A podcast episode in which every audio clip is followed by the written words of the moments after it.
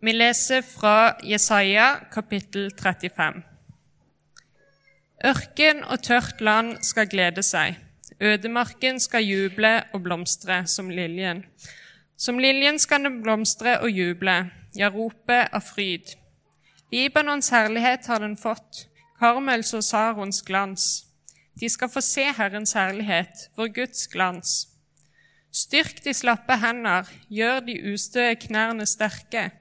Si til de urolige hjerter, vær sterke, ikke redde. Se deres Gud, han kommer med hevn, med gjengjeld fra Gud. Selv kommer han og frelser dere.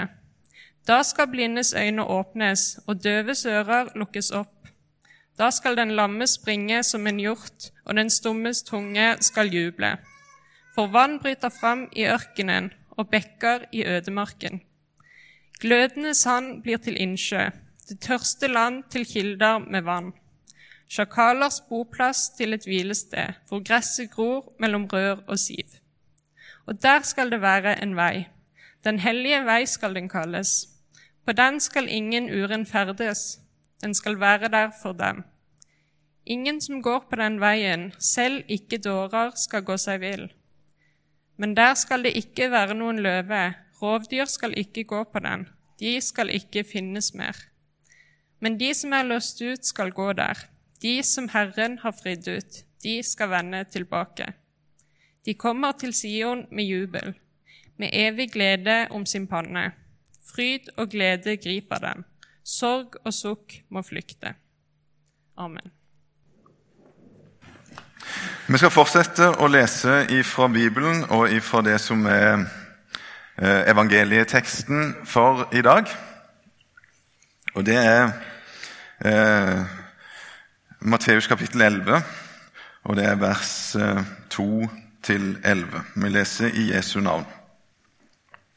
Da når Johannes i fengselet fikk høre om Messias gjerninger, sendte han bud med disiplene sine og spurte ham er du den som skal komme, eller skal vi vente en annen?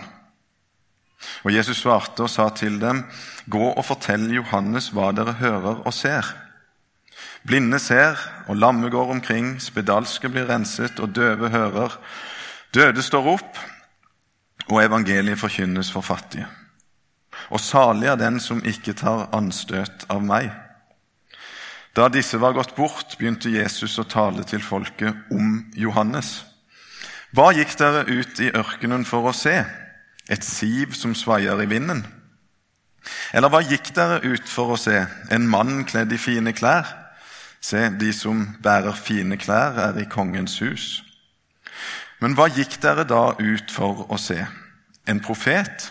Ja, jeg sier dere, endog mer enn en profet. Det er om ham dette er skrevet. Se, jeg sender min budbærer foran deg han skal rydde din vei for deg. Sannelig sier jeg dere, noen større enn døperen Johannes er ikke reist opp blant dem som er født av kvinner. Men den minste i himlenes rike er større enn han. Vi leser i eh, Johannes kapittel 4, vers 12, at, eh, at Johannes ble kasta i fengsel like etter at eh, Jesus var 40 dager og netter i, i ørkenen og fasta og ble frista av djevelen, så, så, får Jesus beskjeden om at nå er Johannes kasta i fengsel. Um, og de fengslene sitter i vår tekst i dag og uh, sender med sine disipler spørsmålet til Jesus. Er du den som skal komme, eller, eller skal vi vente en annen? Um, hvorfor spurte Johannes det spørsmålet der? Opp igjennom historien så er det blitt diskutert ganske mye. Hva var egentlig grunnen til at Johannes spurte? Han som bare kort tid i forveien hadde stått og pekt på Jesus og sagt 'Se, det er Guds lam som bærer verdens synd'. Han som hadde sett Jesus komme opp av Jordanelva etter han var blitt eh, døpt med, med Johannesdåpen. Og, og, Guds stemme hørtes ifra himmelen, eh, og Guds gode, hellige ånd kom ned som en due ved Jesus, og, og det ble sagt Se, her er min, min sønn som jeg har velbehag i. Han må jo ha ant eller skjønt ganske godt hvem Jesus egentlig var. Og Så sitter han i, i, i fengselet og har spørsmål som han sender av gårde til Jesus.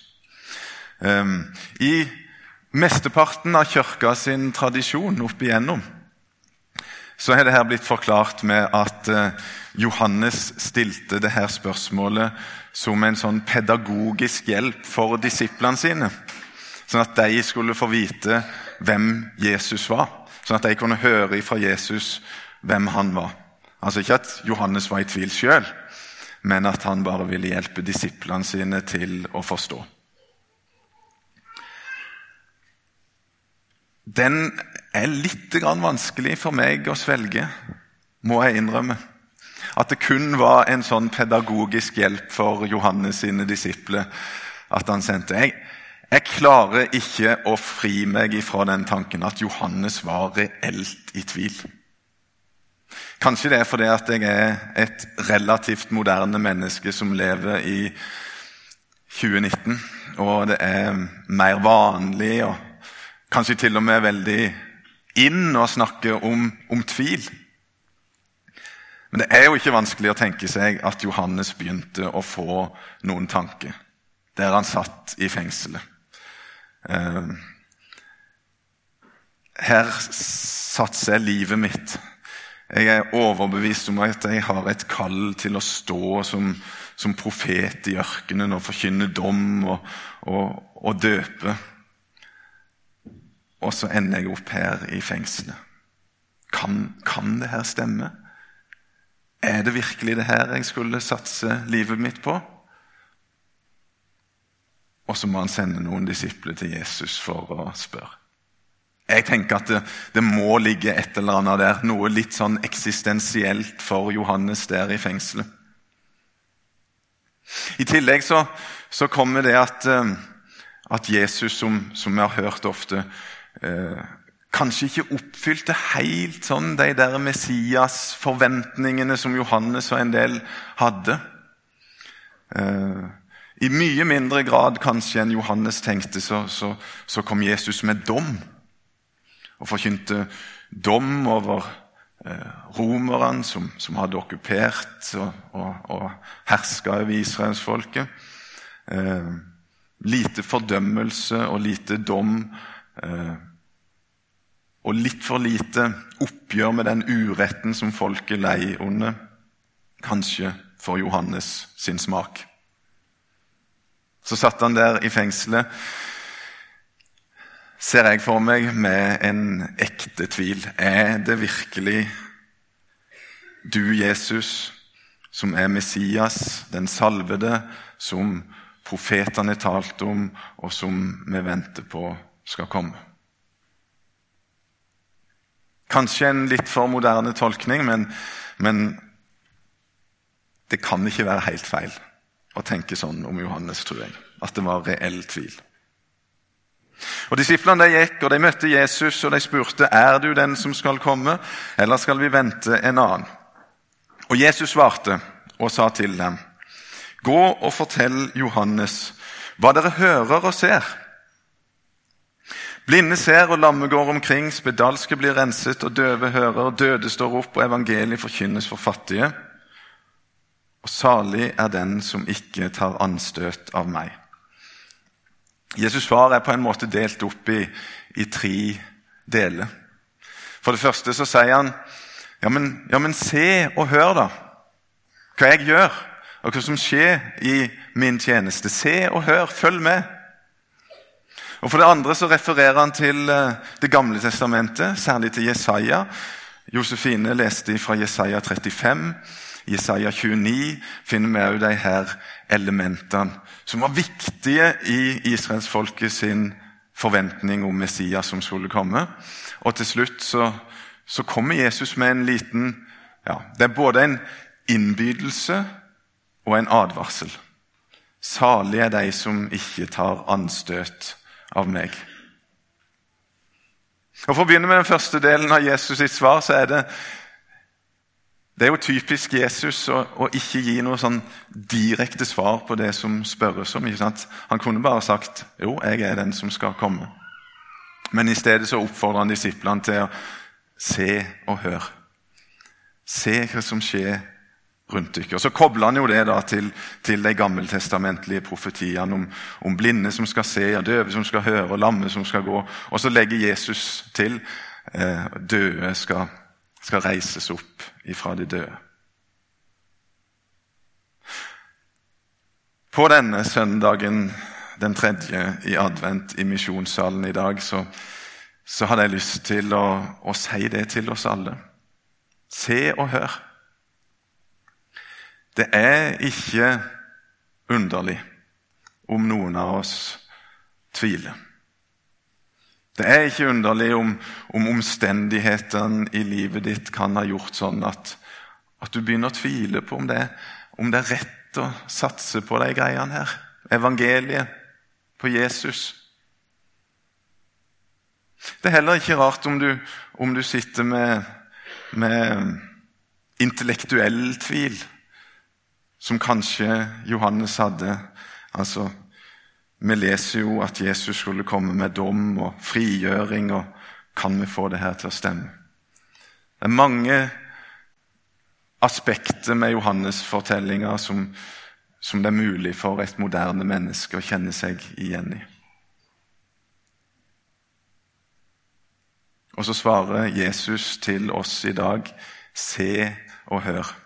For noen få uker siden så var jeg på World Evangelical Alliance sin eh, generalforsamling. Over 90 nasjoner var representert. Eh, Ca. 1000 mennesker som var medlemmer av, eh, av den generalforsamlinga, og, og, vi hadde noen flotte møter. Eh, å se og høre hva Gud gjør gjennom sine utsending i dag, det er fantastisk stort. Se og hør, få det med deg, det som faktisk skjer. Aldri i verdenshistorien har flere mennesker blitt kristne enn i dag. Det er helt sant. Rundt omkring i verden der du ikke skulle tro at det var mulig, så skjer det store vekkelse. Eh, rundt omkring i muslimske områder av verden så blir mennesket frelst og får ta imot Jesus i hjertet sitt. Hvis vi skulle prøve å, å svare sånn som, som, Jesus gjorde, og tenke sånn som Jesus gjorde Ja, se og hør hva det er som skjer. Så er det for min del iallfall svært trosstyrkende å få lov til å være med i Guds rike og se de tingene som skjer rundt omkring. Hva er det som skjer i Oslo? Ungdommer fyller eller jo, det er mest unge mennesker er det ikke det, som fyller misjonssalen en gang i uka eller annenhver uke og, og for å studere Bibelen sammen. Det samles folk rundt omkring i små og store forsamlinger for å for å lytte til Guds ord eh, sammen. Gode ting blir gjort mot, eh, mot fattige og de som eh, eh er marginalisert og kanskje utstøtt av samfunnet i Jesu navn. Ja, det skjer fortsatt rundt oss. Etter 2000 år med, med kirke så skjer det fortsatt. Det er liv, og det vokser. Og For meg så er det et tegn på at jeg kan stole på Jesus. Jesus han, han eh, I svaret sitt så refererer han ikke bare til eh, Jesaja 29 og 35. Ja, han, han, refererer jo egentlig til hele den der forventningen som, som, var i folket på bakgrunn av alle profetiene. Men vi ser jo særlig tydelig her at det er Jesaja 29 og 35. Og så avslutter han med at evangeliet skal forkynnes for fattige. Og Det er en tydelig henvisning til Jesaja 61, vers 1. Evangeliet skal forkynnes for fattige. Dette er jo òg en stor eh, diskusjon og samtale blant bibeltolkere og forkynnere og andre. Eh, hva, hva betyr de fattige i denne sammenhengen her? Og Jeg er enig med de som sier at i den teksten her, og den måten Jesus sier det på her, så betyr det de som eh, er fattige i seg sjøl. Ikke nødvendigvis fattige i form av at de har lite penger, eller kanskje ikke mat å spise eller hus å bo i. Men i, i, i, den sammenhengen her så tror jeg først og fremst Jesus snakker om de som er fattige i seg sjøl. Om, om israelsfolket som et folk som er fattig og ute av stand til å frelse seg sjøl. Mange plasser i tekstene der det snakkes om fattige, så betyr det faktisk fattige. Og det kan være aspektet av det i, i de ordene vi har lest i dag òg. Men jeg tenker det er naturlig å tenke at det først og fremst er de som er fattige i ånden, som er et annet ord som eh, ofte brukes i Bibelen. Om israelsfolket som ikke klarer å berge seg sjøl. Eh, om disiplene som eh, sitter og ikke kan eh, berge seg sjøl, og overført til oss i dag. Det er et folk som samles i erkjennelsen av at vi trenger Jesus som frelseren vår. Og I dag så forkynnes evangeliet til fattige. I dag har jeg lyst til å forkynne til deg at Uansett hvem du er, uansett hvordan du opplever livet ditt, uansett hva slags problemer du sliter med, eller vanskelige forhold du lever under, så er evangeliet det er gode nyheter til deg i dag om Jesus sjøl. I 2. Korinterbrev, kapittel 8, vers 9, så sier Paulus det sånn.: Dere kjenner vår Herre Jesu Kristi nåde at han for deres skyld ble fattig da han var rik, for at dere ved hans fattigdom skulle bli rike. Det er evangeliet til deg i dag. Som ikke har forandra seg siden Johannes satt i fengsel og grubla, eller disiplene forkynte, eller Paulus skrev det. Jesus han er i går og i dag den samme, ja, til evig tid.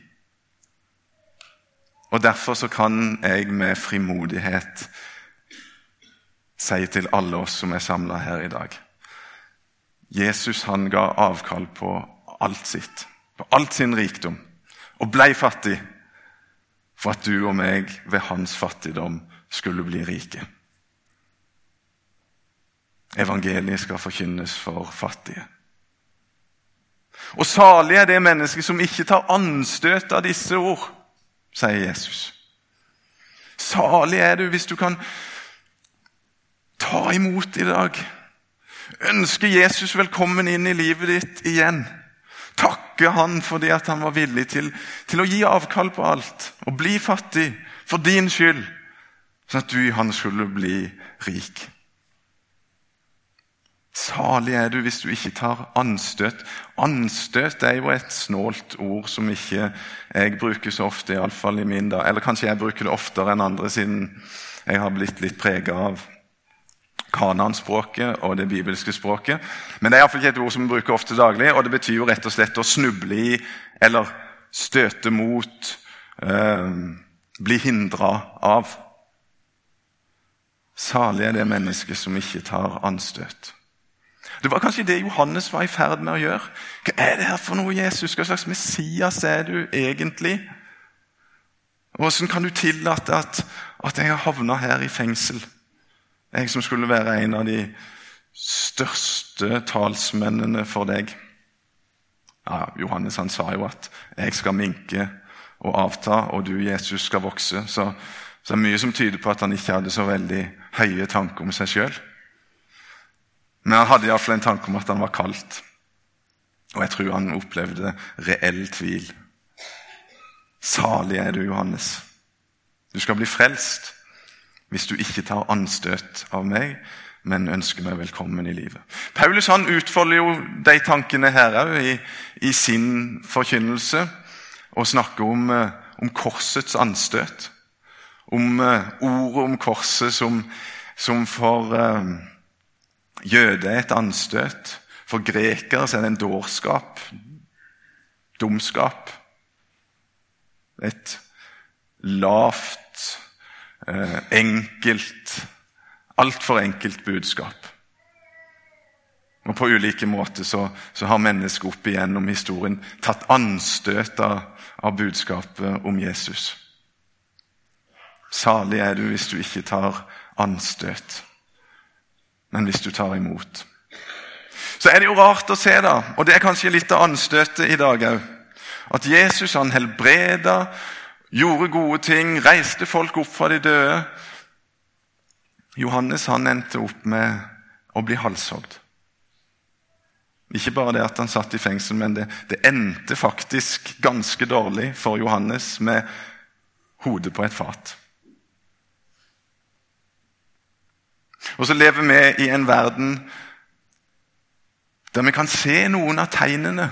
Vi kan se noe av at Guds rike har kommet gjennom Jesus, gjennom Guds ord, med Hans gode Hellige Ånd. Så ser vi noen av tegnene rundt oss, sånn som Jesus ber oss om. Og så ser vi samtidig at det er en god del som ikke samsvarer med Guds rike og med himlenes rike. En god del vondskap og urett som får lov til å herje iblant oss. En god del sykdom som er fryktelig vanskelig å forholde seg til. Ganske mange tegn som viser at Guds rike ennå ikke har kommet fullkomment, og vi eh, lever i den ventetida der vi venter på at det skal bli fullkomment. Det kan være lett å ta anstøt. La oss gjøre som, som Johannes, da.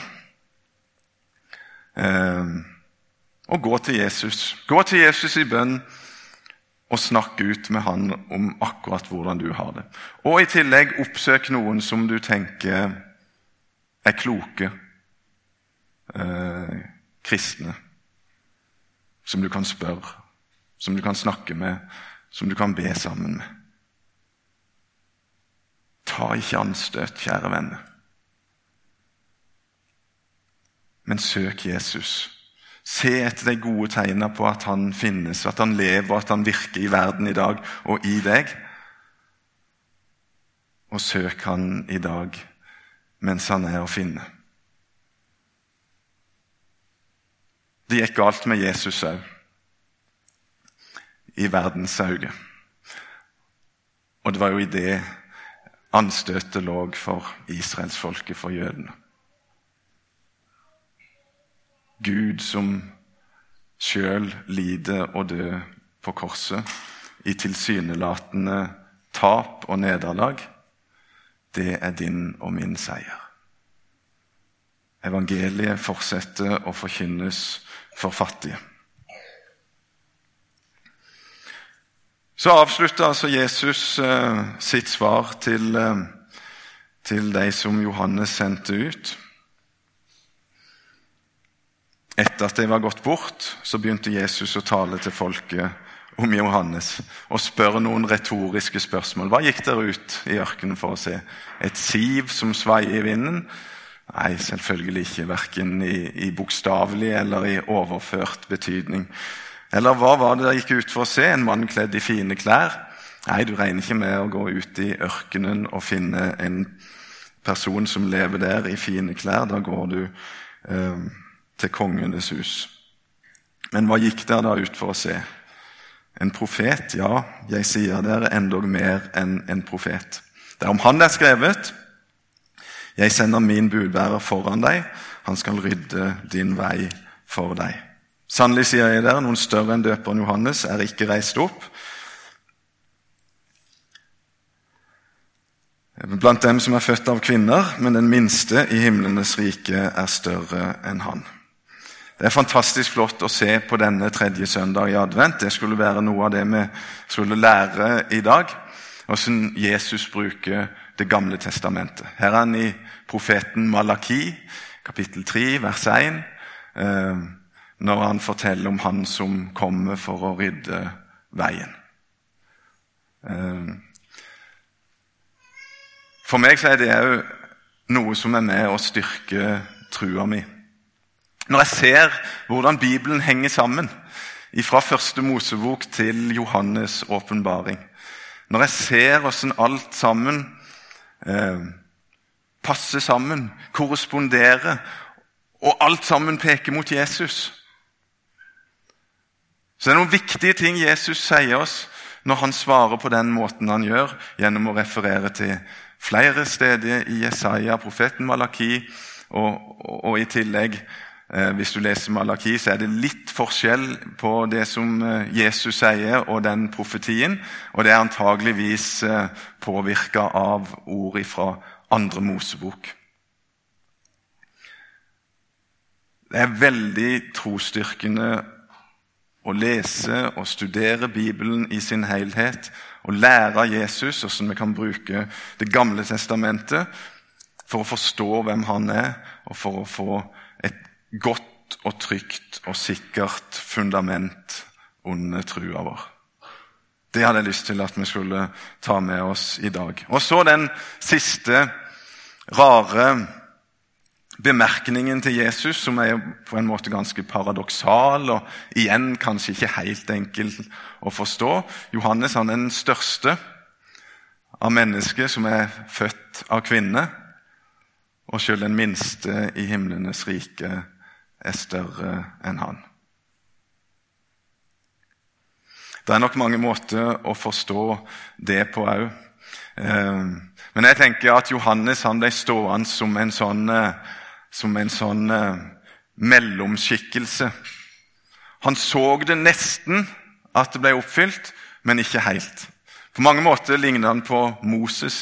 Som, som, fikk beskjed av Gud om at du skal komme hit, men ikke lenger. Så kan du skue inn i det, det lova landet, men du får ikke ta del i at Gud oppfyller løftet sitt til, til folket på den måten. Sånn en figur ble Johannes òg som, som, fikk se mer enn de andre profetene, som var nærmere enn de andre profetene, som fikk se Jesus med sine egne øyne. Men han fikk aldri oppleve eh, at Jesus døde på korset, at han sto opp igjen og se eh, oppfyllelsen av de løftene som var gitt. Og jeg tror de minste, selv de minste i himmelens rike, det, det kan være sånne som du og meg. det. Jeg tror det refererer til disiplene som kom etter Johannes, og, og uh, som fikk høre de ordene her. Vi som er så heldige, så privilegerte, og har fått uh, høre ord om Jesus forkynt. De som fikk se han, de som fikk lære å forstå hva det betydde at han faktisk måtte dø, at han sto opp igjen. Det er vi som er uh, de største i himlenes rike. Jeg tror ikke det er snakk om kvaliteten på Johannes selv, om han var en stor og spesiell mann. Jeg tror ikke det er snakk om eh, hva slags type Johannes egentlig var, men at han var i ferd med å se det. Derfor var han en stor profet. Og så har du og meg fått se det fullstendig åpenbart, sånn som Gud ville at det skulle åpenbares eh, for oss. For et privilegium. For en heldig stilling vi er i. For ei fantastisk tid vi lever i, som kan sitte her, lytte til eh, ordet, lytte til de gode nyhetene for fattige, og få ønske Jesus velkommen inn i hjertet vårt. På den måten så, så, kan vi faktisk eh, ta Jesu ord til oss, at vi er de største i himlenes rike. La oss be. Vi takker deg, far, fordi at du eh, har gitt oss ditt ord. Takk for at det ordet vitner om Jesus fra begynnelsen til slutten. Og Vi takker deg, Jesus, fordi eh, du har vist oss hvem du er. Og så ber vi i dag om at vi må være sånne som, som ikke tar anstøt, som ikke snubler, som ikke eh, går vekk ifra deg. Men som igjen og igjen kan omvende oss og, og ta imot deg i hjertet, Jesus. Kom inn og eh, og bo hos oss, Jesus. Det ber vi om i ditt navn. Amen.